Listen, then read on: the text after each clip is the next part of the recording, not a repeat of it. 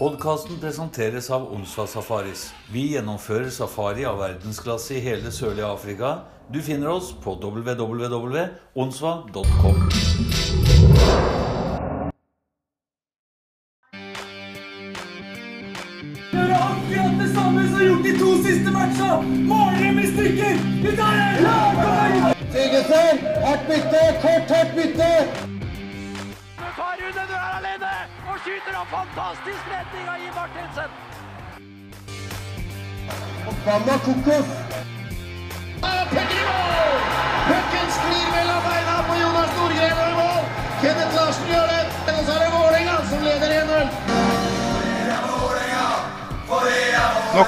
episode av podkasten blant kokos og kålrabi er klar. Og jeg er igjen Odd Magne Doseth, og jeg er klarere enn noen gang.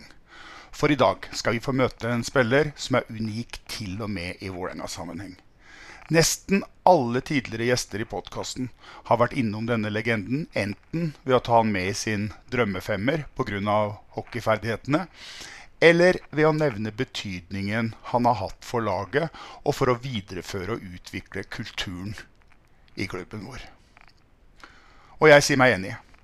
Dette er en entertainer både på is, i garderobe og til alle festlige anledninger. Men han er også en mann å ha med i krigen, og som tar en for laget uansett anledning. Han har den unike kombinasjonen av egenskaper ved at han er faglig sterk, eller hockeyklok, som noen sier, samtidig som han lytter og har personlige egenskaper som gjør at han blir likt av alle, noe som igjen gjør at han blir hørt på, både av trenere, lagkamerater, motspillere og dommere. Lytta til og ikke minst respektert. Jeg kan snakke i timevis om denne legenden, men jeg syns det er bedre å slippe han til sjøl. Så vi går rett over til dagens gjest. God fornøyelse. Vålerenga svarer få minutter senere. Kenneth Larsen. Det står 4-4. Ja, det, det tviler jeg ikke på. For Kenneth Larsen han er, jo, han er jo et unikum. Så han, at han har hatt en finger med i spillet der, det tviler jeg ikke på. Han, han har en finger med i spillet i det meste. For Kenneth er nok også en av de beste spillere jeg noen gang har vært borti. Uh, han er utrolig klok i huet. Uh, og Nei, det var Kenneth var en fryd å spille med de gangene jeg fikk spille sammen. Jeg har hatt sånn, sånn som Kenneth, jeg har aldri ledd så mye av en fyr som jeg har ledd av han. opp igjennom. Han er helt overlegen type. Ja, ja, helt fantastisk. Han er- sånne som han eh, er gull verdt for et miljø. eh, Sånn både på og utafor isen. Eh, Jeg er helt eh, Nei, jeg syns Kenneth er en fantastisk fin fyr. Pucken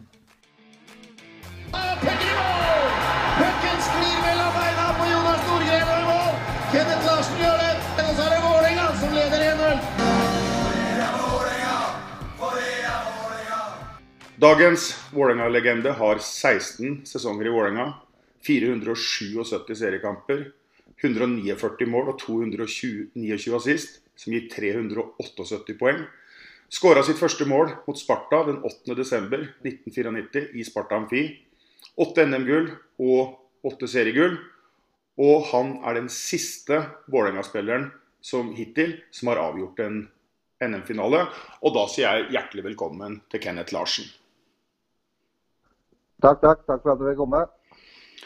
Ja, Kenneth, det, føles veldig riktig for meg å ha deg her etter eh, at jeg har produsert over 20 episoder. For du har blitt framheva som spiller av mange, og er med på flere drømmefemmere. Du blir også nevnt som en fantastisk lagkamerat og flink til å ta imot juniorer. De, de sier også at eh, du har en god hukommelse, en kjapp replikk, som skaper mye latter og moro. Jeg har aldri hørt et negativt ord om deg.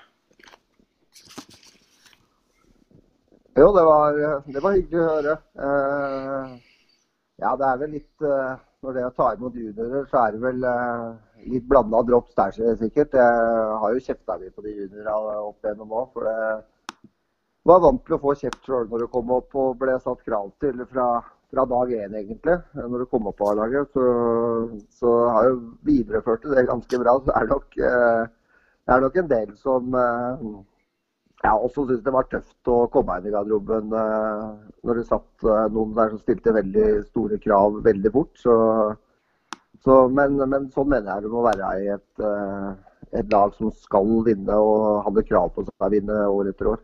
Ja, Men det kan jo hende det hjalp dem både som spiller og personer sånn i forhold til utvikling? Å få litt kjeft? Ja, ja jeg har jo hatt altså kanskje de sånn mest fremtredende Vi hadde noen svensker der uh, på begynnelsen som uh, var veldig sånn lugne og sånne ting. jeg tror ikke at vi hadde kommet så langt med, langt med laget hadde det ikke vært for krava til Roy, til Stubben, til Petter, til Espen. altså spesielt Roy og Petter og Espen, de brukte jo stemmen sin ganske bra og satt krav til deg hver dag. Og det, du var jo ofte litt sånn sur på dem, og faen de kjefter, liksom. Men, eh, men eh, samtidig så, så sånn sett i ettertid, når du blir litt leder sjøl og sånn, så skjønner du at det må settes krav til for at du skal dra ut det siste hele tida. Så så jeg veit at eh, verden er en litt annen, og det er litt mer sånn pedagogikk inni dette bildet. og sånn, Men jeg, jeg, likte det, og jeg tror det er veien å finne litt tilbake til det igjen. da. Hmm. Men Kenneth, vi skal starte med barneåra dine, for du, du, er nærmest vokst opp på Jordal. Ja, fatter'n jobba jo på, på Jordal ja, i hvert fall fra jeg var to år. og Gikk der nede og var med han på vakter. og og sånn, så ble det jo etter hvert så ble det jo at jeg ble litt eldre, sånn åtte-ti år, så var jeg jo med, med Fikk lov av og til sitte inn i A-lagsgarderoben, så jeg satt jo der. Og, og, det var de største stjernene i hele livet mitt. på en måte Donald og Wilcom og Karlstad og Totto og alle de gutta der. Og I tillegg så jeg på Haslør-trening, for de hadde ikke egen hall. Så satt jeg der, og tidlig på sesongen så reiste noen Sparta-spillere. Så jeg, jeg, var jo sånn hockeynerd uh, hele tida som fulgte med på ting og hørte på samtaler i garderoben. Jeg vet ikke om alle åtteåringer har, har, så godt av på de samtalene, men uh, jeg, jeg, elska, det miljøet og alt rundt der. Uh, så, så, jeg var der fra, fra jeg var liten gutt og fikk det inn med morsmelka. Mm. Du fortalte meg også en gang at den gangen så var uh, utstyrsbodene ute, og du som liten gutt passa på at du gikk ut når spillerne kom for å få bære bagen dem opp i garderoben, bare for å få være i garderoben og få være en del av det miljøet. Ja, du, du måtte gjøre noe, og du var ivrig på hvis uh hvis noen ba deg eh, gjøre noe, da. Altså Alt fra Jim som spurte av og til om du kunne telle baklengs av han slapp inn, og så kom han bort til deg. Det var liksom Når de gutta begynte å si sånne ting til deg, så var du, fulgte du med. Du var jo livredd for å miste et mål. ikke sant? Dem så jo sikkert bare som fleip, men det var jo blodig alvor når du sto der. og så fikk du være med Kai og Odd og rydde litt i garderoben og sånn. Da fikk du litt sånn innpass. og det var, det det beste jeg kunne være i hele verden, liksom. Det, jeg har pratet om fine ferier og alt mulig, men å være inne i Vålerenga-garderoben, det elska jeg fra jeg var liten. Mm. Og da begynte du også å spille på de Lilleputt-laga, yngre laga for Vålerenga ganske tidlig? Ja, jeg begynte vel eh, Jeg husker ikke helt eh, alderen, men vi begynte vel å trene. og Gikk jo på skøyter allerede da to år, men vi begynte vel å trene litt sånn med laget når vi var fem-seks år. og jeg husker Fatter'n eh, pesa på med trening. Må i hvert fall være åtte-ti timer i uka på is når du var fem år. Og mutter'n var liksom mer enn vi må prioritere skole her, så det var litt sånn krasj på det der. Men men han spilte der et godt lag hele tida med mange spillere som fikk uh, Gateliga-erfaringer. Men uh, det var Morten Fjell jeg spilte mest med som særlig Storhamar tilbake til Vålerenga, som gjorde et sånn Rama-par, vi to. da, og, og konkurrerte mot hverandre egentlig litt samtidig som vi hadde veldig fint vennskap. Og, og konkurrerte mot de andre lagene, men samtidig så konkurrerte vi jo hele oppveksten om å være best. og det det er en sånn viktig ting for, eh, for liksom karrieren at du har en å konkurrere mot, samtidig som en bra spiller å spille rekke med hele veien. og sånne ting. Så, så, vi hadde bra lag og bra trenere opp gjennom alle åra, egentlig. Ja, hvilke trenere var det dere hadde i yngres lag? Jeg tenker på når dere ble sånn 12-13-14 år gamle. Nei, vi hadde alt fra Thomas Gorstad hadde vi, hadde vi mye. Uh, vi, hadde, vi hadde også Erik Ask. Bjørn Nilsen. Vi hadde Harald Bastiansen, Pål Thoresen. Vi hadde broren til Petter og Harald Bastiansen og Pål Thoresen. Mm. Så vi hadde eh, altså folk som visste hva som skulle til. og Samtidig hadde litt glimt i øyet på, på de tinga der. så vi hadde mye, Jeg hadde jo fatter'n mange år som trener og sånne ting. og Det var jo ikke alltid like moro å ha sin egen far som trener. men eh, Sånn var det jo. Men, eh, men vi hadde mye dyktige trenere. Og, og sånn har det jo vært litt i Vålerenga. At det har vært eh, den første klubben. Så de har jo tiltrukket seg bra trenere og, som visste hva som skulle til. Så det var morsomt å være med på den reisa der. Ja. ja, Så er det jo en fordel å ha faren som jobber på, på Jordalaget. For da, da, begynte du med sånn egentrening på is allerede før du ble tenåring, du da?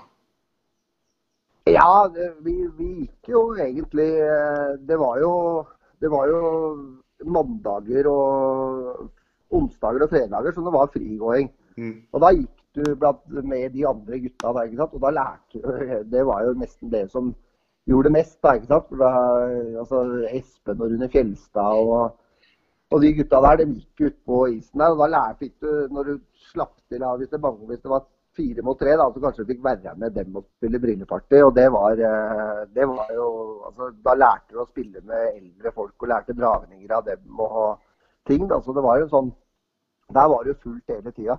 Mm. På tirsdager og torsdager så var det jo kunstløp, og da var jo gutta gærne, for der var det jo fire stykker ute på isen der og sånn, mens vi var, var 50-100 unger som gikk der ute. Alt fra folk på 7-8 år til folk som var 16 år. Mm. Jeg husker Neka, Neka meldte seg på og gikk litt med kunstløpen der ute og, og sånne ting. Og gikk eh, og dansa litt på skøytene. Så det var stor iver etter å komme seg ut på den flata. Mm, det er bra. Så fikk du ganske tidlig debut på, på A-laget. Jeg, jeg, sitter og, og, ser på den statsen jeg fikk. og det, Du skåra det første målet mot Sparta allerede 8.12. i 1994. Da var ikke du gamle karen? Nei. Øh, jeg, øh, jeg, spilte vel Jeg kom vel opp på A-laget med han Sjasjaj i 93-94-sesongen. Mm. Uh, så da var vi med og trente, og så var det litt sånn til og fra. Og så, ja, så slapp du til litt og litt mer. Men det var mye, det var mye på benken de første åra. Så, så, den ordentlige liksom Litt den gjennombruddet fikk jeg vel når de henta det fra Spektrum. Da fikk jeg spille nesten en hel sesong med han Pysjkov og og han search på Allah. Så da, da var, liksom, var det mye. Men det var mye benkesliting før det. men, men, jeg mener, første mål i Sparta Amfi, det, det, det, må jo være helt kanon å skåre første mål i Sparta Amfi. Sparta Amfi er jo den arenaen jeg kanskje etter på Hamar som jeg har likt best å vinne i.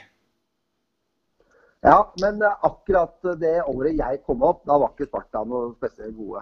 Det var ikke sånn det var ikke sånn uh, veldig kamp mot dem for å vinne. Dem var langt ned på tabellen og sånn. Så uh, det, var, uh, det, var, veldig sånn Storhamar som, som, var gode på den tida. Og de kampene som virkelig betydde noe når jeg kom opp. For de hadde jo vært gode og henta mye Vålerenga-spillere, så det hadde bygd seg opp et sånt ja, idrettslig hat, som jeg kaller det. En sånn spesiell atmosfære mot dem. Så, så, Sparta var vel litt sånn du bare slapp til noen junior, tenker jeg. Så det var ikke så gode på den tida. Mm. Nei, vi kommer tilbake til, til, Sparta. Men si litt om karrieren din, uh, Kenneth. Åtte NM-gull og åtte seriemesterskap, det er, det er, ganske mye. Er det noen spesielle minner eller kamper du har fram til Vi skal snakke mer om den siste NM-finalen vi vant. Men før det, er det noen spesielle ting du husker bra? Uh, ja, jeg, jeg, jeg, husker uh, mye. Jeg husker uh, altså det, det, var, det, var, jo først og fremst de Storhamar-kampene som var veldig sånn at du merka at det var en annen nerve i garderoben. At det var spesielt å være rundt der og, og liksom få de få de toppoppgjørene som det var fullt og det var på en måte det ble bygd opp en Vålerenga-tunnel oppå Hamar der. Det var mye hat.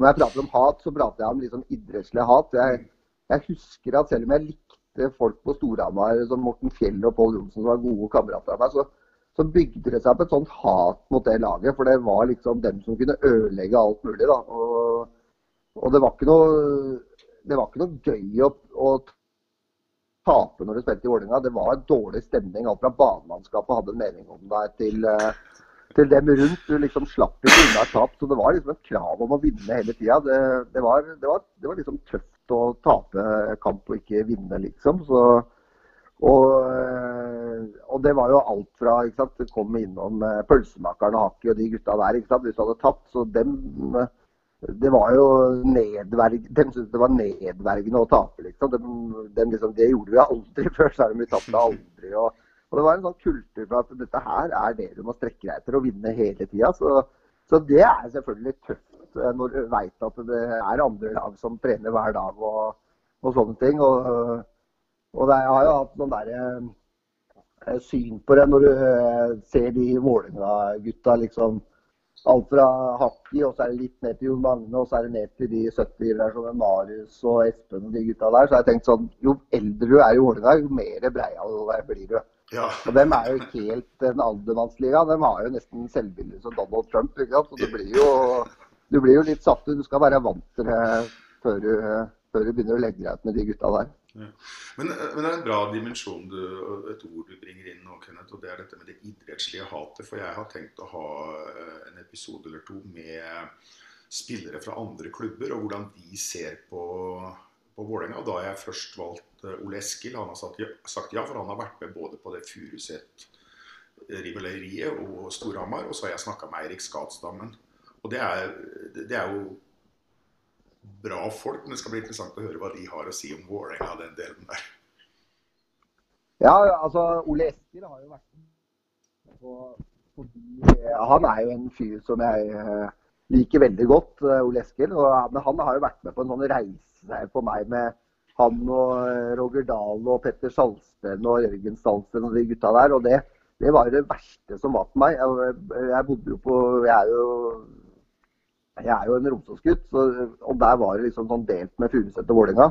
Mm. Blegeberg og sånn var jo super pro Furuset-gutt. Han var jo, hadde jo det på ordentlig på hjertet, liksom. Og det var krangling. Og når de tapte mot Furuset da med Ole Eskil, som var eh, er helt sykt god, så var det sånn da, da, da, var det tøft hele uka liksom, på skolen for meg allerede i en eh, åtte-ni års alder.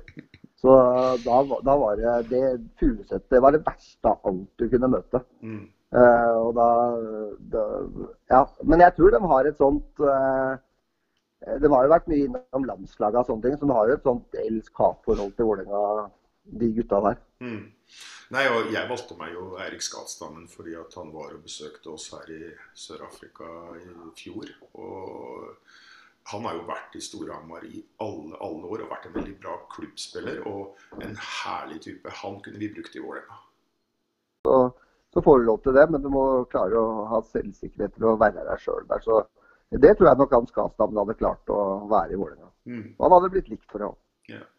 Nei, altså, Det var en periode på slutten av 90, begynnelsen 2000 som vi hadde veldig mye svensker eh på laget. Men, men jeg har snakka om det med andre også, men de også glei veldig bra inn i den Vålerenga-kulturen og miljøet. Tilpassa seg Vålerenga sånn som vi ville ha det. Ja, altså det, jo, det, var jo både for at det var en sterk gruppe, og det var jo, det, det var jo sterke personligheter i, i liksom Englund og Brummer og Hans Abrahamsson og Ryman og de gutta der. Så det var jo sterke personligheter. så det og jeg tror at kultur det blir eh, Dem tok med seg sine ting inn i garderoben. Så, men samtidig så var vi sterke på at det er heldig for oss, eh, de tinga der. Så jeg, jeg, tror at det er en miks at kulturer blir bygd underveis. da. Det samme som var på 60-tallet, er jo ikke på 90-tallet. Og nå er det bygd en ny kultur, men at Vålerenga skal være, ligge i bånn, det tror jeg er viktig for, den, for Vålerenga. At det ligger det i bånn, at de har egne spillere og, som setter krav til dem som kommer inn. At de ikke kommer inn for å være stjerner, men at de kommer inn for å gjøre en bra jobb for klubben. Da. Det tror jeg er viktig at de bygger videre på. Ja, nei, Vi har vært gjennom det litt med andre. Og, og videre framover så ble det jo slutt på svensker etter hvert. Men det kom en del canadiere, og der syns jeg det var veldig mye bra folk i et lag. Jeg tenker på Regan Kelly, Blake Evans, Scott Crawford. Det var bra folk. Ja, det var veldig, veldig bra. og det jeg tror at det var litt sånn at du, eh, du hørte igjennom, da. Altså, Chris Chartier han visste vi var en fin type. Han henta inn uh, Kelly igjen. da. Så jeg tror at bra folk skaper bra folk. Altså Hvis du uh, hører på dem som virkelig, virkelig er der for å, at klubben skal bli bedre, så henter dem også inn folk som passer inn, og du får uh, researchen fra dem. Så, så, så, det er ekstremt viktig at, uh, at det blir bygd videre òg. For det, du trenger å ha, ha, andre importer i laget, ikke bare for, for for at de er gode der og da, men du trenger å få inn nye impulser inn i et lag òg. Som om det er svensker så trenger du det nye tinga inn nå for å utvikle deg videre. For du kan ikke stå på stedet hvil og tro at det som gjaldt på 60-tallet, alt det gjelder enda. Mm. Men noe må ligge her i bånn. Ja. Men samtidig, hvis noen av de spillere der hadde prøvd å skape sine egne meritter og sine, sin egen kultur, så var det jo en gjeng med deg og Vegard og Øystein og Drosja og alle de som hadde holdt dem tilbake hvis de prøvde å gjøre noe som skada den kulturen. Ja, ja, selvfølgelig. Det er jo uh, Det har jo vært spillere der som da kom inn og som har veldig gode stats og sånne ting. Uh, som hadde holdt uh, i fem kamper. det var en uh, der under rett etter den tida der som Han holdt ikke Han hadde spilt i NHL og noen kamper, riktignok ikke flere sesonger, men sluttet til NHL. Så sånn, da skal du ha kvalitet. Vet, men han, eh, han fikk jo ja, vet, vet, du hva, Kenneth? Han fikk jo ikke være der uh, lenger da. Nei, nei, Den der husker jeg. Det var, det var um, Brian Gornick. Ja. Det, for, for, da sprang Jan Tore oppe på kontoret rett før han kom og vifta med statsen. Han sa at nå hadde vi gjort et skup. Og uh, da var det Myggen som sto og så på han på første trening at han sleit med å rygge på skøyter. Og så spør han Jan Tore er du sikker på at han er canadier. Er sikker på at han ikke er Brian og jeg er dansk? ja, det, jeg, jeg, husker, for da var jeg akkurat skada. Da dro vi til Chicago. Da satt jeg ved siden av Kjær, og da var det hovedoppslag eh, i, eh, i VG. Og da hadde jo ja, Det var jo noen som hadde bomma på han spilleren selvfølgelig når han kom, for det var jo ikke noen bra type. Han var ikke så veldig god heller. Så, så, og da spurte en av sponsorene Kjær om eh, hva, hva er det står om her, da? Nei, det er bare en av de NHL-spillerne som ikke er gode nok for laget vårt lenger, liksom. Da solgte han det inn til at resten av gruppa var sykt bra, ikke at han var dårlig, liksom. Så da var han på jobb. Ja, ja. Nei, ellers så hadde vi jo Jeg snakka jo litt med Bård og Tommy, og litt med Christian Tygesen også, for så vidt, om uh, en som ikke helt passa inn, og som blei bare en halv sesong, og det var Thomas Klubna. Ja. Når han, når han ja. var irritert på Tygesen for at han ikke spilte pucken når Tygesen hadde avgjort den femte kampen på Hamar i serien.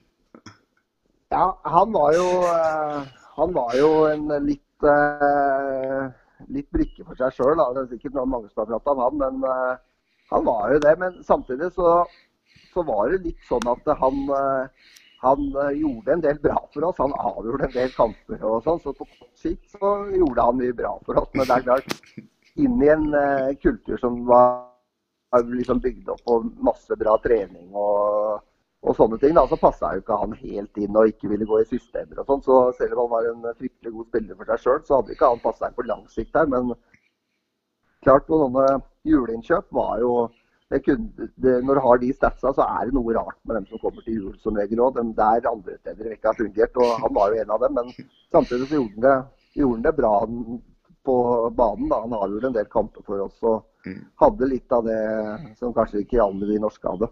Mm. Nervik fortalte jo en episode om han det var en periode der vi lå litt etter med lønninger, og klubben fikk kjeft av Espen for at han ikke backsjekka, og da sklei han forbi boksen og sier 'no paycheck, no backcheck'. ja, ja, ja. Det, men det er klart, det er noen som du, eh, som du har plass til som er sånn òg. Eh, det skal være rom for å ha noen sånne over litt kort sikt. så eh, og da blir det litt sånn at kanskje gruppa kommer enda sterkere enn den resten som er der. Da, og liksom finner ut at ja, For det hovedmålet er jo til slutt å vinne uansett. Så om du har med deg han på lasset, så får han heller jobbe får han heller skåre måla sine, så får resten av den uh, laget jobbe enda hardere for å nå måla. Så, så sånn sett så skal det være litt rom for å ha med litt eksentriske spillere inn der òg. Mm. Nei, så Du snakka om det med vi snakka litt om det med at du tar deg av yngre spillere. Jeg har lyst til, å, Før vi går på 8-9-sesongen, så det begynte jo i 4-5-5-6-sesongen. 4-5 var jo lockout, den har vi snakka masse om med alle de stjernene vi hadde der. Og du ble jo ganske god kompis med Scott Hartnell, du? Ja, eh, vi, vi traff hverandre litt sånn eh, Altså, vi hadde en bra kjemi, liksom. Det kom jo inn eh, det kom jo inn en med rødt, stort, krøllete hår eh, som så ut som eh, han var med i en sånn skotsk film eller et eller annet sånt, og inn i, eh, inn i garderoben der på 22 år. Så jeg lurte litt på hva dette her var. og Det var jo ikke sånn liten verden som dere er nå. Det var ikke så mye NHL og sånn som gikk på alle mulige kanaler som det er nå. Men eh, men han traff bra med, og, og han uh, har vært og besøkt to ganger i Philadelphia i etterkant. Og, Mm. og sett det livet han lever nå. Da. Så han, han også elska jo det med Vålerenga. Spør om gutta og folk rundt på kontor. og Jeg tror han hadde en fin opplevelse av det. Og han også utvikla seg jo der enda. Han var jo allerede en sånn Stjernespiller var han kanskje ikke, men han var en sånn grinder som var uh, drafta høyt oppe som nummer seks og hadde mye istid. Så han eh, Både han og Mason har jeg vært og besøkt i USA i etterkant, som var fine folk. da, Som, eh, Mm. som eh, var glad i den Vålerenga-tida. Ja, og de var jo veldig glad for å vinne en tittel, sjøl om de syntes at pokalen var litt liten. Ja, den, eh, det har jo vært canadiensere som ikke ville ikke ville ta bilde med den lille pokalen og sende hjem. De ville heller ta i ettertid med den eh, beste spillerne i sluttspillet, så vil de ta bilde med den for å sende hjem, liksom. For den lille kongepokalen syns ikke noe særlig om. Så, så det, det er en annen kultur på at ting skal være litt stort der nede når du vinner. Men eh, når eh, 4-5 var slutt, så var det jo mange som reiste tilbake av de proffene. Og Myra reiste til Sveits, og Barli la jo opp igjen. da. Men eh, da kom det inn mange nye spillere eh, som fikk en kjempesjanse med å spille seg inn på laget. og som jeg, Noen av dem vet jeg fikk mye støtte av deg. Jeg tenker på Kenna og Mattis. Du hadde Bonsa og Brede.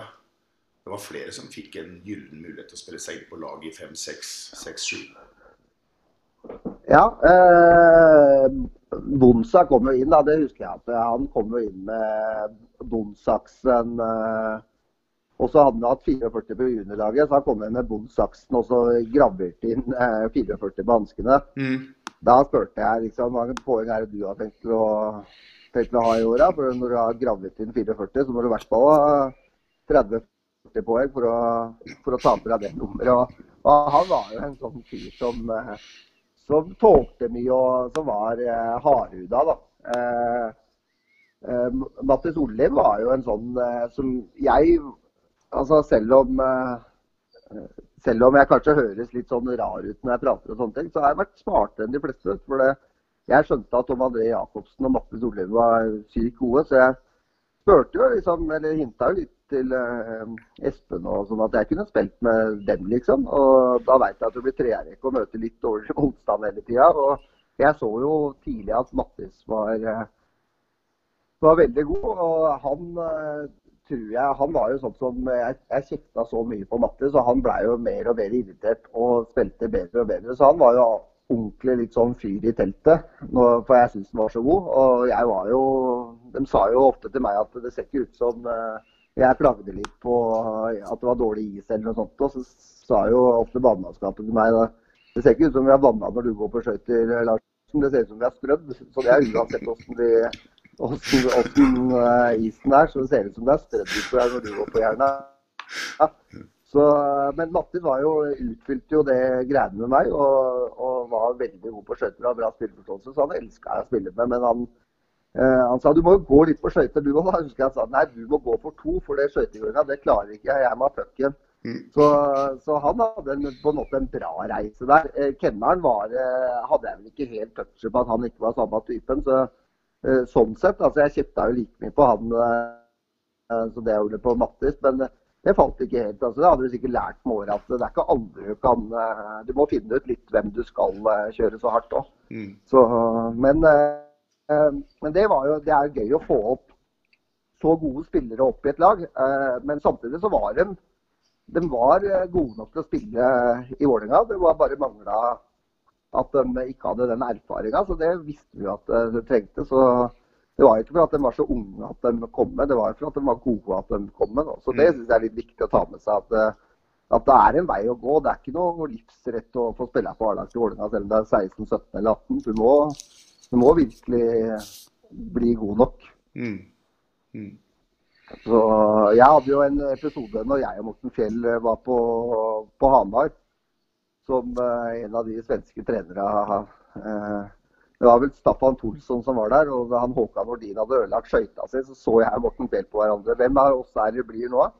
som skal utpå her. Og så kommer han svenske treneren bort og så spør han ja, vi sitter mye på benken. Så spør han hvem, hvem størrelse er dere bruker ved skøyter. Og da tenker vi da er vi langt unna. Da kan de like å ta med bagen vår på neste bortekamp. Vi trenger ikke å være med uten bare skal bruke utstyret. Så det er, det er, en hard vei å gå for å, for å slippe til der. Men eh, det er verdt alt slitet når du først får en rolle der og sånne ting. Så, så de åra på benken, dem eh, var eh, velinvesterte. Mm. Skal vi gå fram til 2-8-2-9-sesongen, Kenneth? Jeg har jo kalt denne episoden her og det om deg Vålerenga, Vi snakker jo ofte om siste bohem og alt det der, men jeg har valgt å kalle deg for den siste matchvinner. Du er den siste som har avgjort en NM-finale. Men vi skal se litt på sesongen først. For 2-8-2-9, da var Sparta gode. og De begynte å bli en ordentlig rival, og det var mye, mange harde tak eh, mot Sparta. Det starta jo allerede 6.10. Vi tapte 4-2 på Jordal.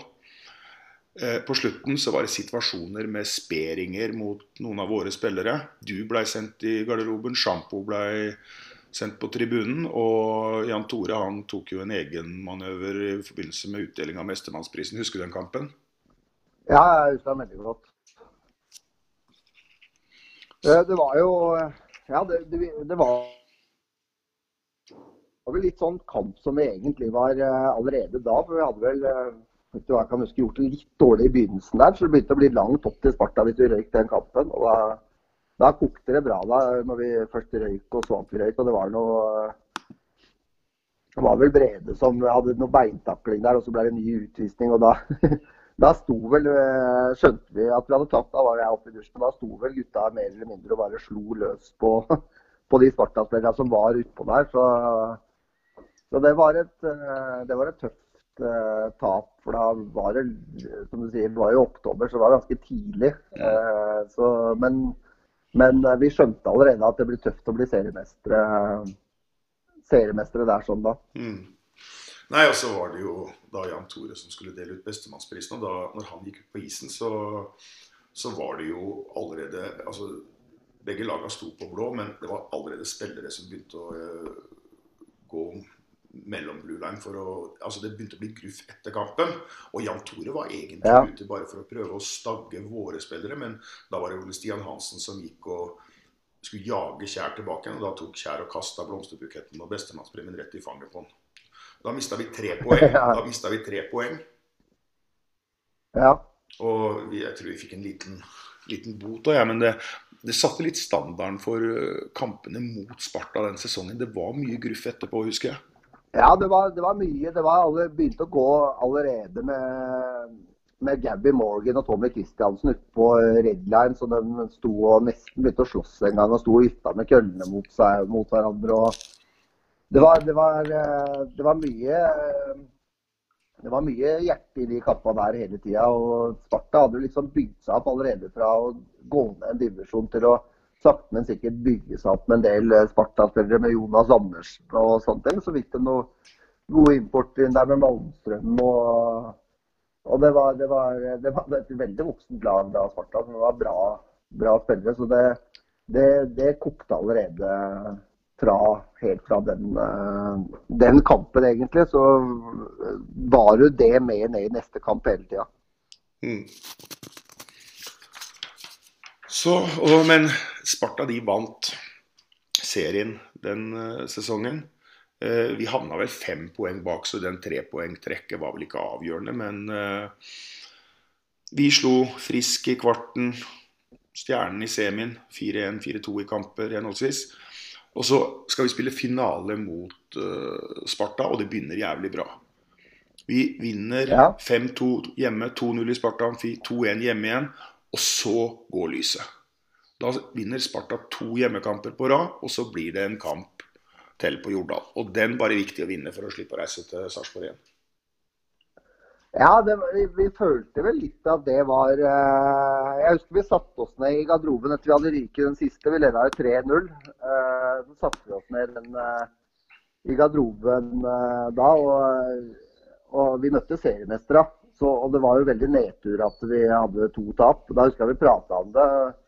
Jeg sa, husker at jeg sa at eh, nei, eh, hvis du er leder 3-2 og du kan avgjøre hjemme, du får jo ikke bedre utgangspunkt enn det. Hvis vi tar det, hadde vi tatt alle dager i uka. Hvis vi hadde fått det utgangspunktet før vi begynte den finaleserien.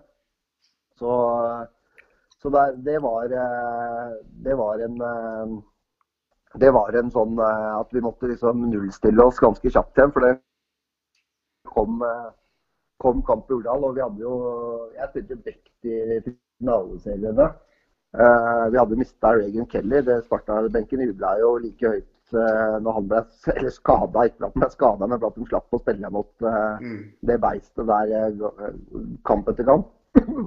Så eh, jeg spilte back dels for at vi var lite folk på bekken, og dels for at jeg hadde et eh, ganske dårlig sluttspill, egentlig. Eh, det er kanskje det dårligste sluttspillet jeg har spilt noen gang, så det er det jeg blir huska mest for. For at jeg sneik meg inn fra bekken og skåra det målet. Så, så, men eh, det, det, jeg husker at det var eh, For jeg var ikke noe god da. Jeg fikk mye kjeft av Knutsen. Og, og, og liksom Og det vel fortjent. Eh, men jeg husker gutta backa meg noe jævlig opp der. Så det betydde mye sånn følelsesmessig for meg, det, det sluttspillet. Og, ja, og det ble jo 1-0. og og i den siste kampen, og da var det jo stappa på Jordal, og, og da husker jeg at jeg folk virka Jeg virka nesten aldri rask, men akkurat den kampen der så hadde vi jo spesielt eh, Blake Evans og, og Lars Betz og de gutta der hadde jo spilt enormt med minutter i alle kamper. Altså jeg virka nesten pigg på skøytene der eh, for første gang på lenge. Så jeg husker at jeg hadde mye å gå med akkurat den siste kampen, og jeg var vel litt eh, Eh,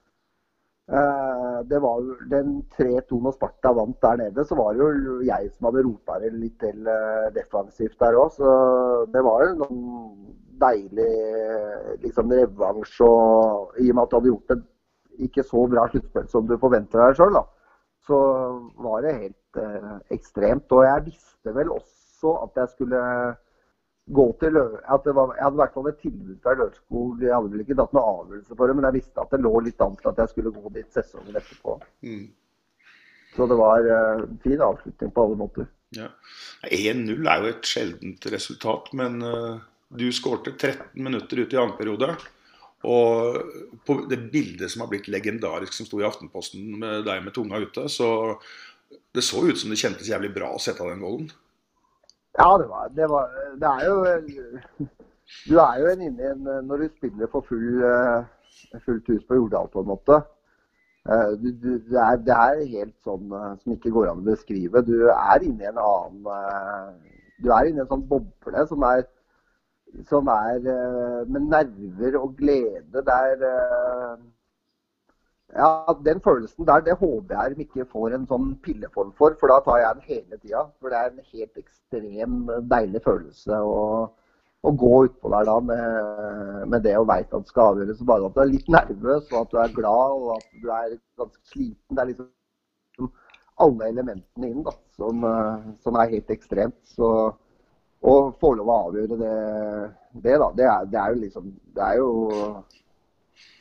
det, jeg, jeg, tror ikke det er så uh, tilfeldig at uh, jeg avgjør den kampen, på en måte. Da. Det er litt som uh, Jeg har alltid visualisert mye. Jeg har vært der nede i alle år, liksom. Og selv om jeg ikke var topp ti på det laget, så at det var spillere som var mye bedre enn meg hele sluttspillet og den, så tror jeg det er noe med at du, du har lagd det der i huet ditt at du skal få avgjøre det helt fra du så så de store legendene spille der fra du var liten. Og det, det har visualisert den uh, følelsen mye, da. Så, så jeg tror jeg er litt Jeg tror ikke det er så tilfeldig som alle tror, da.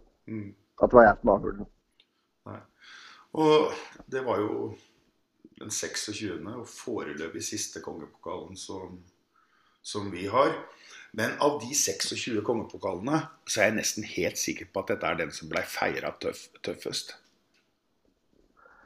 ja, det var en, det var en voldsom fest, det, det greiene der, ja. Det var Det var Ja, det Ja, den festen der, den varte i så mange dager som Jeg kan ikke huske når han avslutta engang, men var i hvert fall ganske mett på festing da. Så det var, det var en ekstremt bra avslutning, det. Og det ville bare at det skulle vare og vare og vare. For vi hadde hatt en tøff sesong, og vi vant ikke serien. Og vi sleit i både Vi tapte vel en 7-2-kamp i kvartfinalen mot Stjernen. og det, det, var ikke noe sånn walk in the park, men det var ekstra deilig følelse. Ja. Jeg tror vi vant i 03-04-sesongen. Da var det ikke morsomt å vinne engang. Dette her var sånn, Du hadde jobba så fælt for det og holdt på. og Hele laget, støtteapparatet, publikum, alt ville liksom så mye at Vålerenga skulle vinne. og det, det bærer preg av. Da var det godt med noen dager som du kunne koble ut den verden fra. Og bare være sammen med gutta. Nei, Bård og Tigeren var jo sammen i en episode, og de snakka liksom om det der når du hadde vunnet siste kampen for sesongen, og du kunne ta en sånn tredagers. Men det her var ingen tredagers, dette var jo faen meg to uker. Ja, det var, det var lang tid. Det ga seg jo aldri. Det var, det var, det var en lang Det var veldig lang, den, den der. Og, ja, det var Ja. Det har jeg aldri vært med på noe sånt før. Nei, vi skal la den ligge. Vi kommer tilbake til noen, noen andre historier. Et par av de historiene fra den feiringa tror jeg vi skal drøye. Um, det er uh, en ting som jeg har sagt om deg når jeg har uh, hatt inn en sånn intro her, Kenneth, og det er at uh, når jeg prater med folk og sånn som jeg har sett deg i garderoben, så har du to gode egenskaper. For det første så er du faglig sterk på hockey, og du har personlige egenskaper som gjør at folk liker å være sammen med deg, og de liker å lytte til deg. Og det har jo gjort at du også nå velger en trenerkarriere. Men er det noen Du har jo allerede sagt noe om andre trenere, men er det noen av de trenere du har hatt som du vil framheve, som du har lært mye av? Uh, ja, det, det er de, de, de, Nå kommer Stubben inn litt sammen med Roy, da, men det er jo det er liksom Roy og Petter og Espen som, uh, som jeg har satt utrolig pris på å ha hatt som trenere. Uh, altså, jeg hadde to trenere, ganske merittert. Kent Forsberg som kom inn med en gang. og Staffan Tolsson, som var begge meritterte trenere. Men dem, dem syns ikke jeg holdt i Norge i hele tatt, for de kjente ikke produktet sitt godt nok. De satte ikke de krava. De var kanskje vant til å, å, å kjøre en Ferrari hele tida, liksom, som, som, var lett å kjøre. Mens i Vålerenga må du kjenne produktet litt. og Det er en Mustang som går jævlig fort, men du må skru litt på den, og du må ta noen avgjørelser der og da. Så nei, jeg likte å ha sånne trenere som stilte krav og som pesa meg opp i ting. Og, og som du da fikk kjeft av. Og, og, når du ikke gjorde det du skulle gjøre, det, det, det passa meg bra.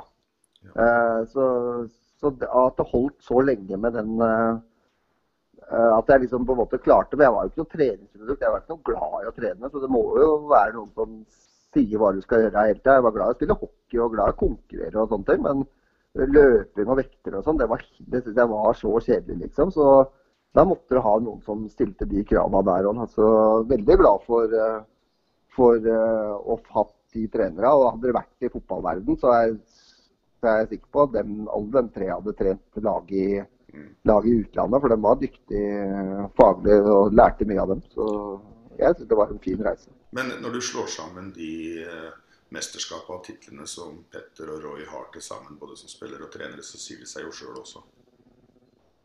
Ja, det, det, gjør jeg. Det gjør jeg. Uh, men jeg, jeg, tror også at det var bra tidspunkter den ble bytta ut på, selv om det er alltid sårt å bli bytta ut og sånne ting. Uh, vi hadde Roy på begynnelsen, og så begynte det også å dette litt ned der, på en måte. Og da kom, uh, kom Petter inn, men litt de er jo, Vi er litt sånn samme skolen alle sammen. Alle har fått det litt fra, vel fra Geir Myhre litt og sånne ting. Så, og så blir det justert inn at det blir litt forskjellig der, da. Så, og når, så kom Stubben inn etter det igjen, og så tok han sammen med Espen, som var veldig inspirasjon å få som hadde vært den største stjerna og den kanskje eneste sånn superstjerne eh, på den tida der, som vi fikk inn, liksom. Så, så var det sykt inspirerende, det. Så det, det, har, vært, det har vært en sjukt kul reise å få ha de trenerne som da er som er da, mestviden og vært best, veldig gode hockeyspillere òg. Så, mm. så, det var privilegert i Vålerenga som hadde de tre trenerne. Eh, vet du at uh, uh, Petter og Roy har hver sin verdensrekord i ishockeysammenheng? Petter er vel på Petter er i hvert fall på den OL-en. Mm. Det er jeg ganske sikker på at ingen andre har spilt fem OL. Roy er jeg litt usikker på, faktisk. Det er dårlig faglig av meg ikke vite det, hva han var verdensrekorder. Nei, jeg, jeg, jeg, sitter og forbereder til intervju med Roy, så jeg var gjennom det. skjønner du, Det er derfor jeg, er litt forberedt. Det er at uh, Roy er den internasjonale ishockeytreneren som har hatt flest sesonger for ett landslag på rad. Han har to sesonger mer enn Tikhonov. Han var det, ja. Hmm. Han passer jo perfekt til å trene, trene landslag, Roy. Han er jo han sørger for at gutta har det bra og, og, trener hardt med dem. og Det er i korte perioder og sånt. Så han gjorde en veldig bra jobb med landslaget. Pluss at han selvfølgelig hadde mye bra spillere og tilgjengelig. Ja, ja, ja, ja, men han... Uh, jeg kom på én ting mens vi prata, for du sier at du er ikke noe treningsprodukt. Uh, og at du likte ikke å løpe og sånn. Jeg husker jo en episode jeg var og så på Ironman på toppidrettssettet og så på at du løp 3000. Det lukta ikke akkurat sommer-OL av den sluttet, Ja. Men da får 3000-meterprestasjonene dine være sånn som de er. Men det som jeg har sett, og som mange prater om, det er den lederrollen du tar i en eh, garderobe. Med gode replikker. Og så er du veldig flink til å lese folk og karakterisere spillet. Du har jo lest inn videoer til banketter og hatt litt morsomt med folk. Men du har vært flink til å, å skjønne, lese personligheter og behandle folk forskjellig deretter.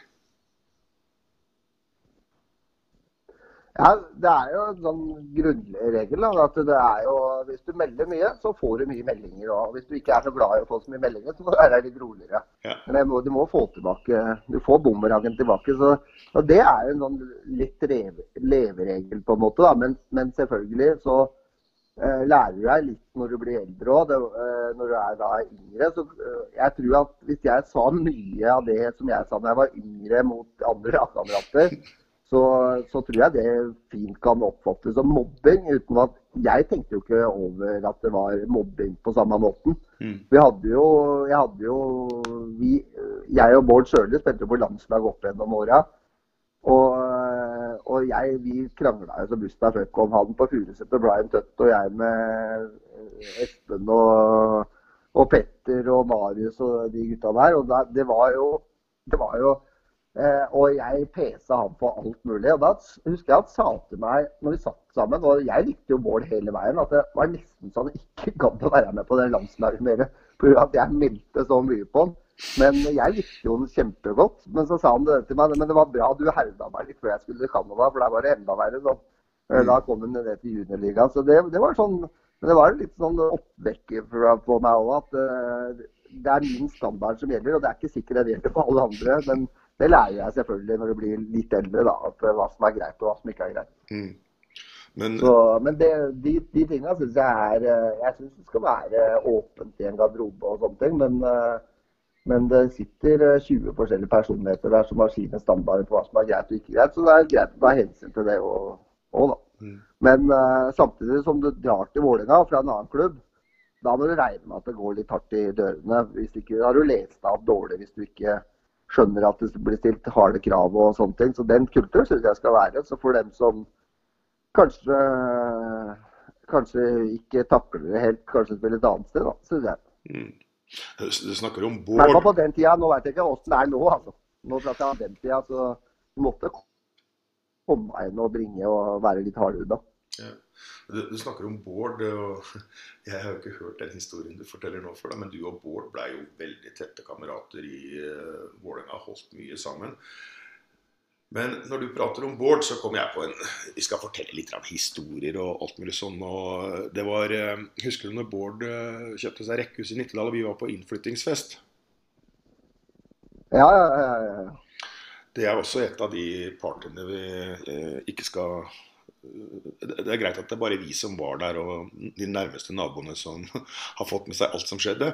Men der hadde vi et par morsomme ting. og det er en ting jeg tenker på. det er at eh, Når folk prater om deg, Kenneth, så sier de ofte at du er så flink til å huske, du har god hukommelse, statistikk. Eh, jeg kan spørre deg mest sannsynlig draktnummer på en spiller fra 80-tallet, og du vil svare riktig på hvem det er. Ja, det er jeg ganske sterk på. Mm. Eh, men eh, når vi satt oppe hos Bård, så var vi jo nesten hele A-laget til Vålerenga pluss noen ledere. Og da begynner du med statistikk. For du, du, får for deg at det er så veldig at vi, vi som sitter rundt bordet der, vi er 12-14 stykker, vi har veldig mange NM-gull, og du begynner å telle. Ja. Og så går vi inn og googler og ser på statsa til de andre klubbene. Da viste seg at vi 10-12, eller dere 10-12 spillere som satt i hagen til Bård, hadde da flere NM-gull enn resten av Gateligaen til sammen. Ja, eh, det var mye Det var jo Hadde jo vært vunnet mye, alle de gutta som satt der, da. Så, så ja, det var ikke Det visste jeg vel før jeg begynte. Men eh, men eh, ja, det, det, var, eh, det var en eh, det var en sjuk reise, det, faktisk. Altså, jeg, jeg, tenkte aldri noe spesielt på det. Uh, at det var så veldig vanskelig å vinne NM-gull. Jeg skjønte jo at det krevde mye, og sånne ting, men uh, jeg hadde jo bare vært i Vålerenga stort sett siden jeg var en liten gutt, liksom. Så jeg, jeg bare så på det som Jeg kunne ikke skjønne at de andre lagene ikke vant, på en måte.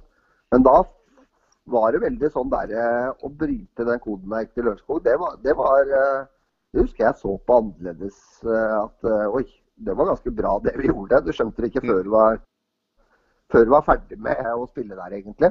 Mm. Uh, og det har, det har, litt med det derre at alle rundt der stiller krav, liksom. Det kommer inn uh, alt fra banemannskapet. ikke sant? Kan tenke deg alle de kampene den har sett. Hun veit hva som er bra og dårlig, og du får passer i påskrevet hvis du klarer å snikke deg unna trenere. Så, så, og det, det, var sånn hele veien fra jeg var, eh, fra jeg var liten, liksom. At det, det var eh, det var en sånn kultur på det der. Så jeg, jeg skjønte ikke det før jeg ikke spilte i Vålerenga lenger.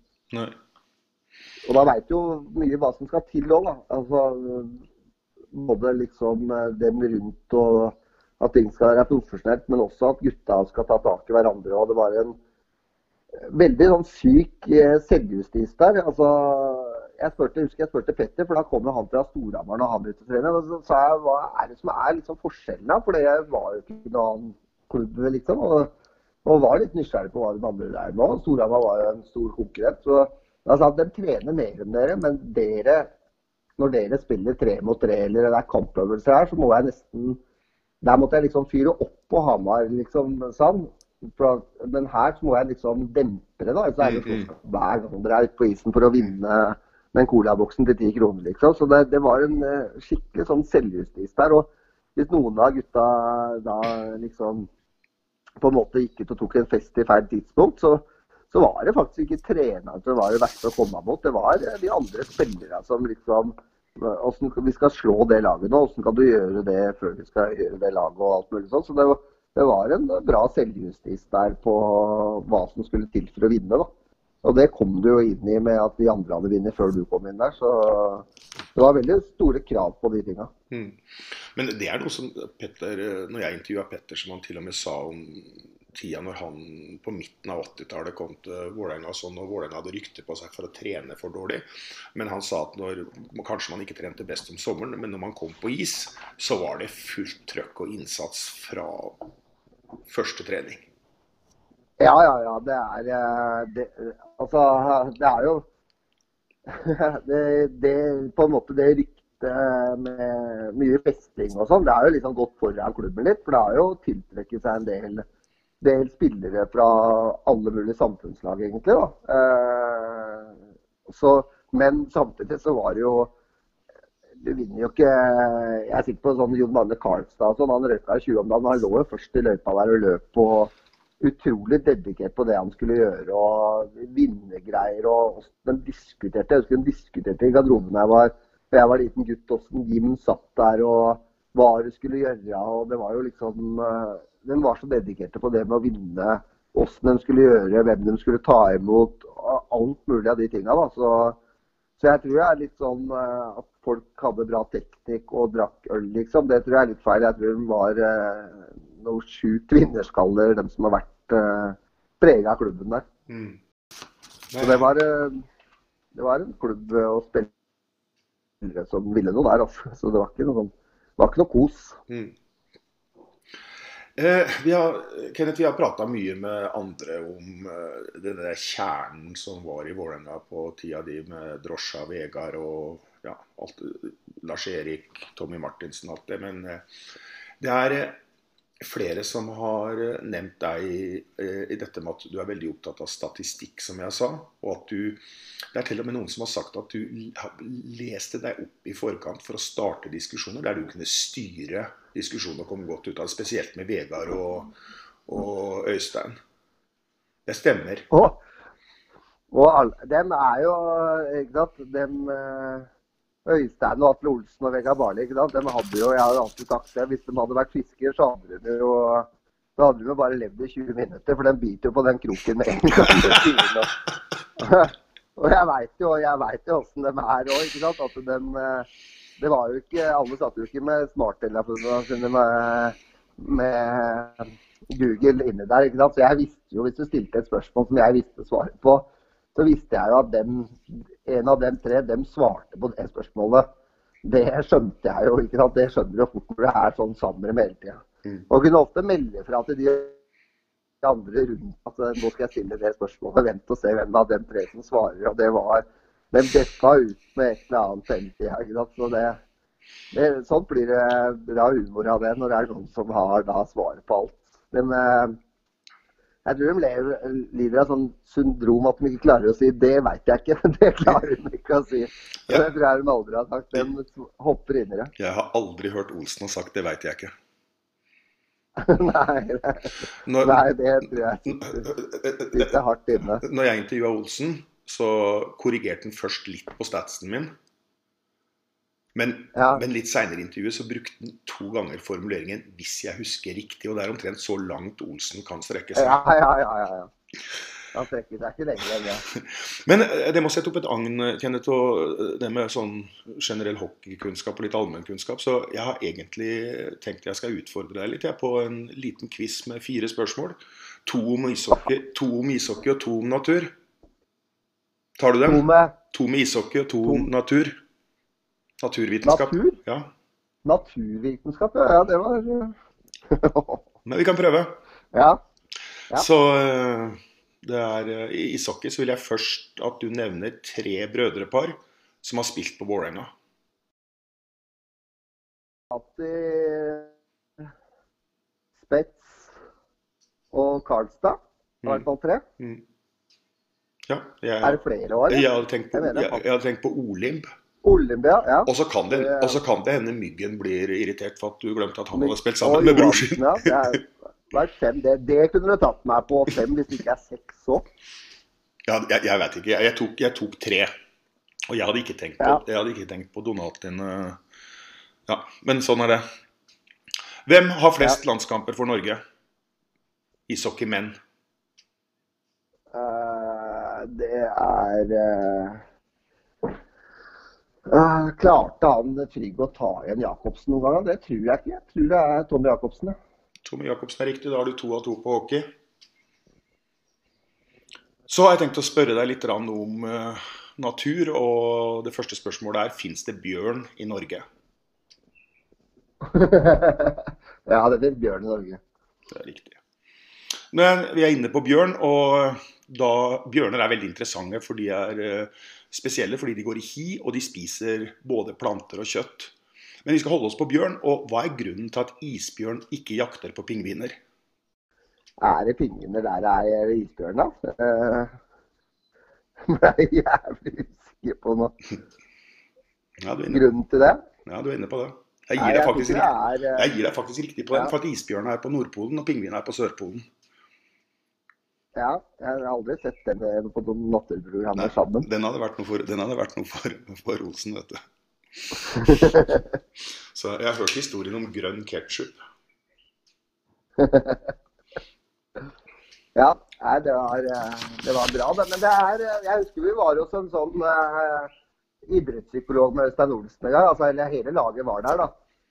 Og så spurte han idrettspsykologen om eh, om eh, eh, Kan en reise, rekke opp hånda så vil være med på et mattespørsmål her? og det, da, da reiste jo da, Det var nede i Sverige. Da rekker jo Øystein Olsen opp hånda, da. Og jeg tror ikke han var noe særlig bedre enn de andre i matte, men da, da sa han eh, Husker jeg han eh, psykologen sa nå ser jeg med en gang, her er det en som tør å ta tak i de kampene. Og det var jo aller høyeste grad Øystein. for det og som han sa, det kunne være det to pluss to-spørsmål, men han Øystein tok tak i det og hadde selvtillit nok til å gjøre det. Og det var jo også Øystein i kampa. Han er jo det. Eh, den som har betydd mest for eh, Altså mens jeg spilte der og sånne ting, som har vært eh, sånn overall, da, den viktigste spilleren. For det, han har jo vært eh, sykt god inn i den eh, greia, pluss pluss all den kraft, rå krafta og tørre å ta tak i det og sånne ting.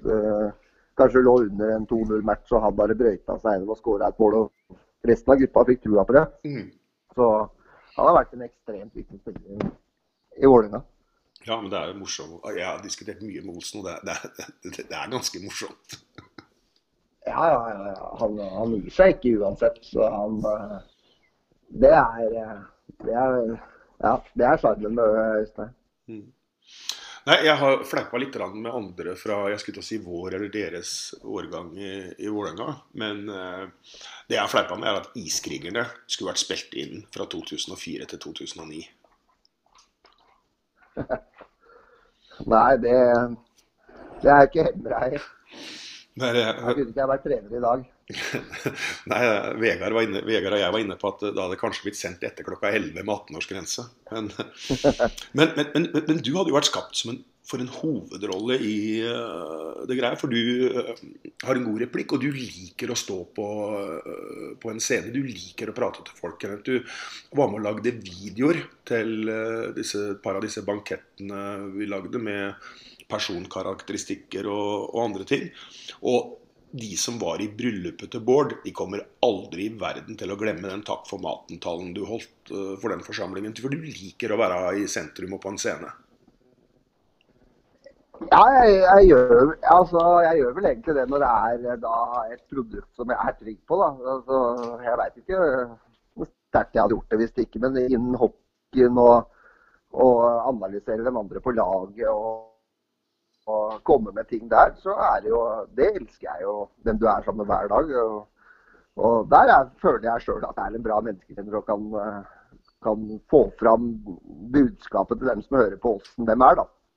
Så, så det, det, elsker jeg jo. Men, eh, men eh, jeg veit ikke jeg Det var jo veldig sånn kultur på å ha ting inne i gruppa der. da. Det var ikke så mye som slapp ut fra gruppa. Det var det veldig sånn strengt på, husker jeg òg. Det som ble her inne i garderoben, det ble inne i garderoben. Så jeg veit ikke åssen iskrigere hadde vært da.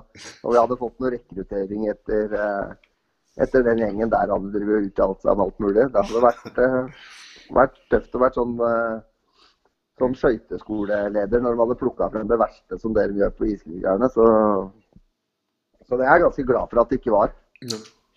Men det er jo uh, entertaineren jeg tenker på seg sånn i forbindelse med den uh, Takk for maten-tallet med bryllupet til Bård. For du avslutta jo bare overkropp og sang Romsås-sangen.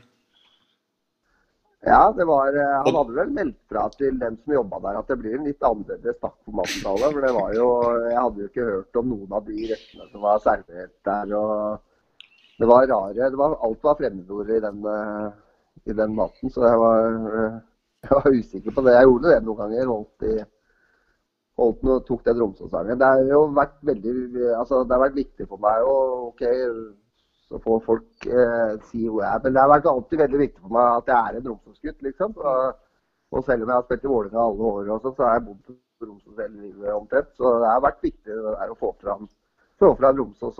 Ja, men jeg mener at du er jo en entertainer, så jeg er sikker på at hvis Iskrigerne hadde gått i de åra der, så hadde du havna opp i enten eh, Skal vi danse eller 71 grader nord. ja, nei, ja. Ja. Nei, det Ja, det Da er det bra at vi ikke endte opp der, Odd Magne, hvis jeg må være med på steppestega der. ja.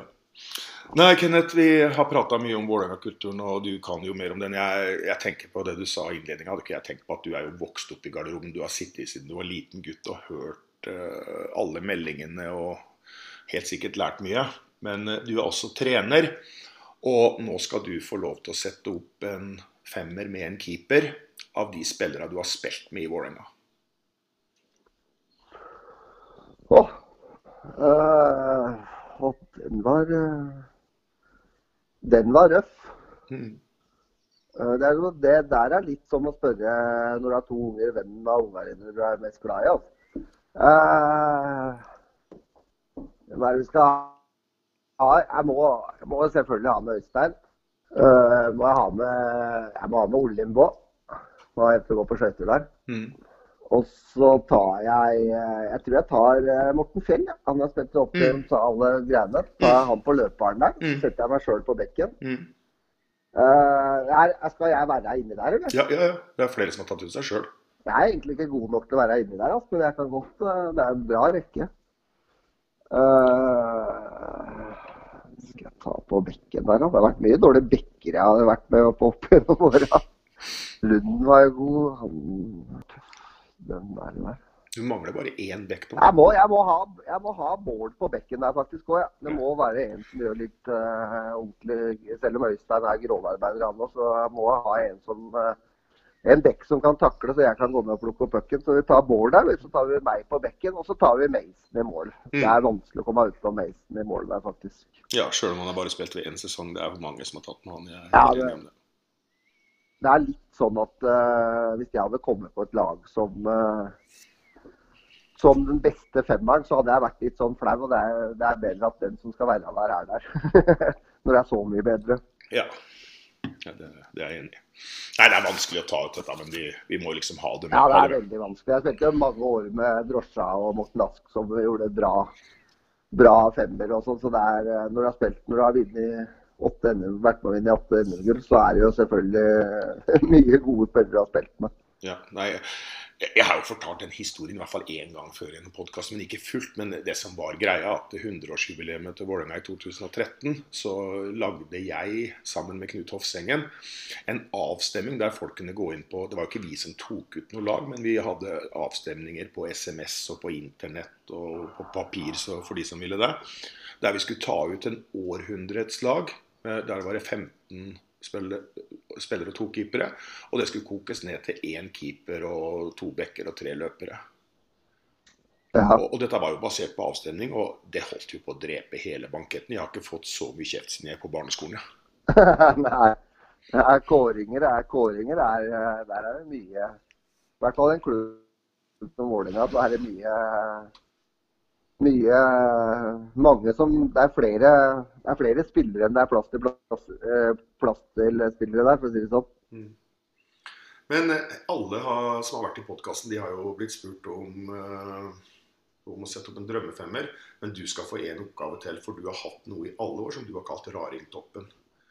Og nå kan du få lov å nominere de tre rareste av de du har spilt med. Du har jo hatt, allerede hatt kåringer. Ja, tre rareste. Nei, det må Det må Og jeg må tillegge rar kan fort høres litt negativt ut. Ja, ja, for all del. I, I positiv forstand, da. Mm. Nei, Øystein må få krona der òg, både som den viktigste og som den rareste. Så er det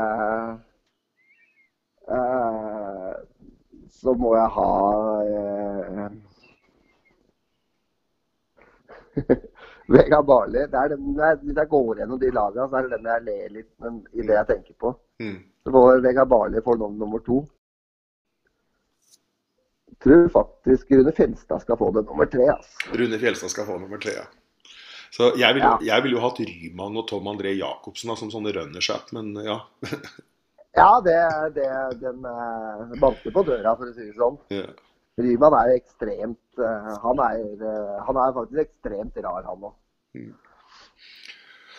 Så, nei, jeg, snakka med Ryman i forrige episode, og vi snakka om den der historien som du lagde. Vi begynte å prate om deg, og du lagde jo den videoen med mm, bagen hans i Trondheim. og Det var greit for Ryman, så jeg håper det er greit for deg også at jeg legger den eh, videoen ut på eh, Facebook-sidene. ja, ja. Er det greit? ja, ja. Ja, bra, da, Kenneth. Da, Kenneth, vi har prata lenge, men vi må avslutte med et par Jeg, jeg må høre noen noe flere storyer. Jeg ba deg jo forberede deg litt, og du har jo allerede kommet med mye. Men aller først så har jeg Jeg har et par storyer jeg har, eh, har eh, tenkt å fortelle om deg. Og Den første er egentlig ikke om deg aleine, men det er eh, når vi var på VM i Zürich i 2011. ja. Da var det jo sånn til lyttere at eh, eh, jeg og Bård var jo i Event Garden, og Kenneth jobba for oss. Og vi lagde en eh, tur med en Hvor mange var det, Kenneth? 20-30? Som vi tok med til, til eh, ja, det var rundt 30, tenker jeg. ja, til Zürich. Og uh, eh, Kenneth og Bård som reiseledere. Uh, Jan Tore var med, og eh, jeg skulle komme ned litt seinere. Og vi hadde jo lagd et ordentlig opplegg med bl.a. Vi hadde jo et quiz-type gameshow som du og Bård holdt, der alle var med. Roy var raus og tok ut noen spillere som fikk være med på hvert sitt lag. Men det dette førte til, var jo at forbundet hadde en del sponsorer. Og de var jo ikke en del av den eh, turen. Vi hadde jo i eget arrangement. Men det som skjedde, var jo at alle sponsorene til forbundet de begynte å henge med dere. Og dere hadde vært, Ja. dere hadde jo vært der nesten ei uke, og da kommer jeg ned med en tre-fire mann som jeg hadde med, og da kommer det en, ja, samme hvem, men det kommer en fra forbundet til meg og spør liksom om eh, jeg kan passe på litt nå, for nå er det helg, og nå kommer sikkert det store partyet. Om passe på at når, hvis de forbundssponsorene begynner å komme og begynner å skal henge med oss, at det, vi må alle sammen huske på at vi representerer norsk ishockey. Ja, ja, sier jeg, det er greit. Og da havna vi på Jeg tror det var Hard Rock kafé, Larsen. Ja, det kan det. Ja.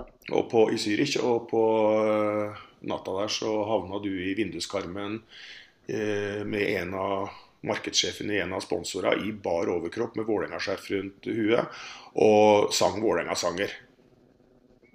ja, ja. Da, da, Jeg husker det. og da tok jeg et bilde, Ja. og så sendte jeg til han i forbundet og så sier jeg sponsorene dine har det helt bra. ja, jeg hadde ikke tippa på at han skulle være bar overkropp når jeg møtte ham. Han var en uh, litt høyt oppe i et stort konsern der, så uh, jeg, det var uh, Han bøy på seg sjøl. Det var gøy. Ja, det var gøy. Det var ikke mye, det. Er det noen sånne spesielle ting du har lyst til å føre til? Du har tenkt på? Jeg spurte deg om du Nei, egentlig ikke. Jeg syns vi har prata mye om det det som har skjedd rundt. Ja, så, Ja. så i hvert fall fått med det jeg vil si. Nei, fordi til og med Lars Erik Lund sier at han, han har ledd så mye av som deg. Og det er ikke, og det er ikke alltid du Ja, får, er alltid du får Lars til å le. Nei. Hvis du har sånn raringtoppen, så er det vel eh, Så er det vel eh, Så er det vel kanskje noen som har meg der på toppen, hvis det er noen andre som har sagt det. Så, sånn er det. Ja, nei, jeg, jeg har også ledd mye av deg, Kenneth. og vi vi prata litt om det egentlig før intervjuet, men det er én historie jeg har lyst til å, å fortelle. og Det er jo det sånn at det som er i garderoben, det skal bli i garderoben. Men dette havner jo med han eh, som du satt ved siden av, som vi har nevnt noen ganger i programmet nå, med nummer 33 på. Der hadde du den beste Ja. meldinga jeg har hørt noen gang i Vålerenga-garderoben. For eh, vi skal også uskyldiggjøre det litt, fordi at det var landslagsopphold, og det var egentlig eh, ikke noen kamper på søndag. Men på eh, lørdag eller søndag morgen så kommer han eh, sidekameraten din eh, på trening. Han er ikke full, men du kjenner at han har ikke holdt noe 48-timersregel, og han har vært en tur på byen. ja, ja. At det er ingen som ja, har lyst til å si noe, det- dette her, denne her legger vi død. Og så setter du deg ved siden av han, og så lukter du på han, og så spør du har du spist kong Haakon til frokost. ja, det var eh, det var jo litt sånn tid og lege for, for dere. Jeg husker det der. At han, han var jo glad ute på isen og alt mulig, så han var jo sliten der. Så, men kom seg på treninga. Det var viktig moralen å komme seg på treninga uansett. Og så husker jeg han var borte hos Odd et par ganger og fiksa skøytene. Måtte fikse skøytene hos matterapporteren et par ganger av den treninga der. Og Odd så aldri hva som var gærent med skøytene. Så Odd klødde seg i huden mens han satt der og slappa av der. Så ja, det var noen sånne episoder. Både, ja, jeg har jo hatt, vært innom noen sånne episoder sjøl òg, men uh, det var, uh, det var Jeg syns det alltid var en bra timing, stort sett, på alle de åra jeg spilte der. At det var, det var tid og sted og, som, var, som var riktig for det. da. Mm. Å, å ha en lagfest og sånne ting. Mm. Nei, og så hadde vi jo, vi hadde jo mye uh, bra banketter. Vi begynte jo etter 2004 og 2005. og, og jeg syns jo både 4, 5, 6, 5, 6 og 7 bankettene var bra, bra banketter. Og det var jo mange som bøy på seg sjøl både i produksjon og i gjennomføring. Ja, ja det var uh, veldig bra. For stort sett så spiste vi jo biff på Bighorn etterpå, men så kom den etter hvert eh, når du ble med litt mer der. Og, et, eh, og så kom det en sånn bankett som var veldig koselig sånn, da, da, ting hadde lagt seg litt og sånne ting. Så det var jo eh, bra. Jeg husker eh, det året som Asker vant seriegull. Så de gikk ned til ordføreren, og de gikk tog i Asker. og Ferja det er stort, altså, det, det du egentlig skal gjøre som seriegull òg.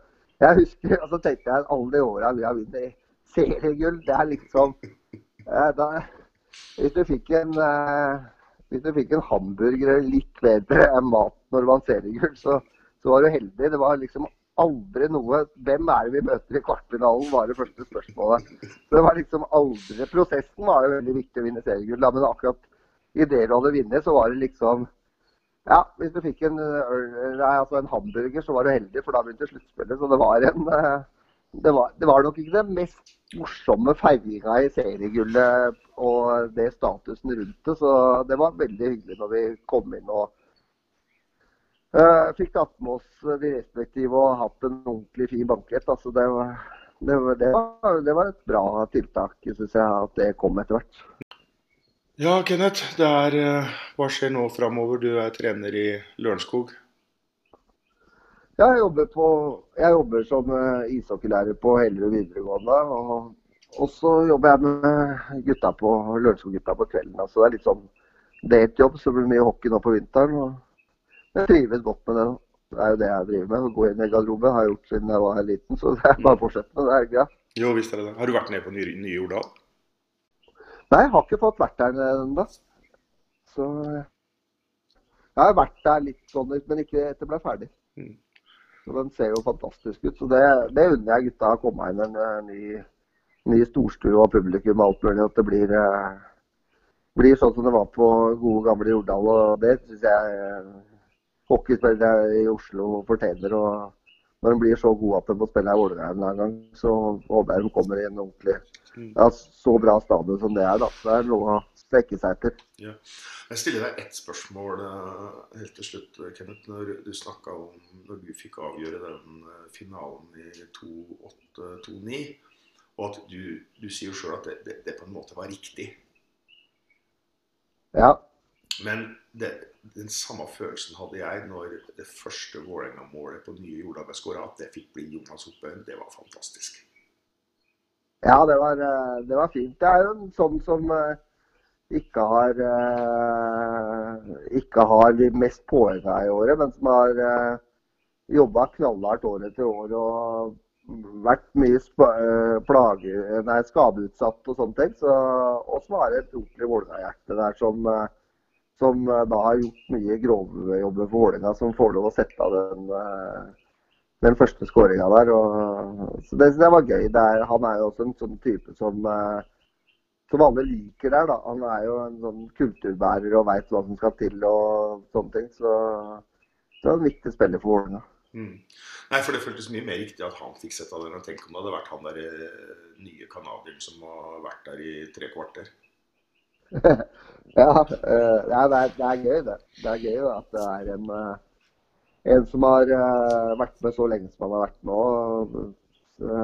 har jo noe seriegull, men det har vært litt sånn uheldig med litt sånn timinga på når han kom opp på Ikke når han kom opp på A-lag, kanskje, men sånn at han ikke har vunnet så mye det tiåret som han har vært med. Men en kjempegod spiller.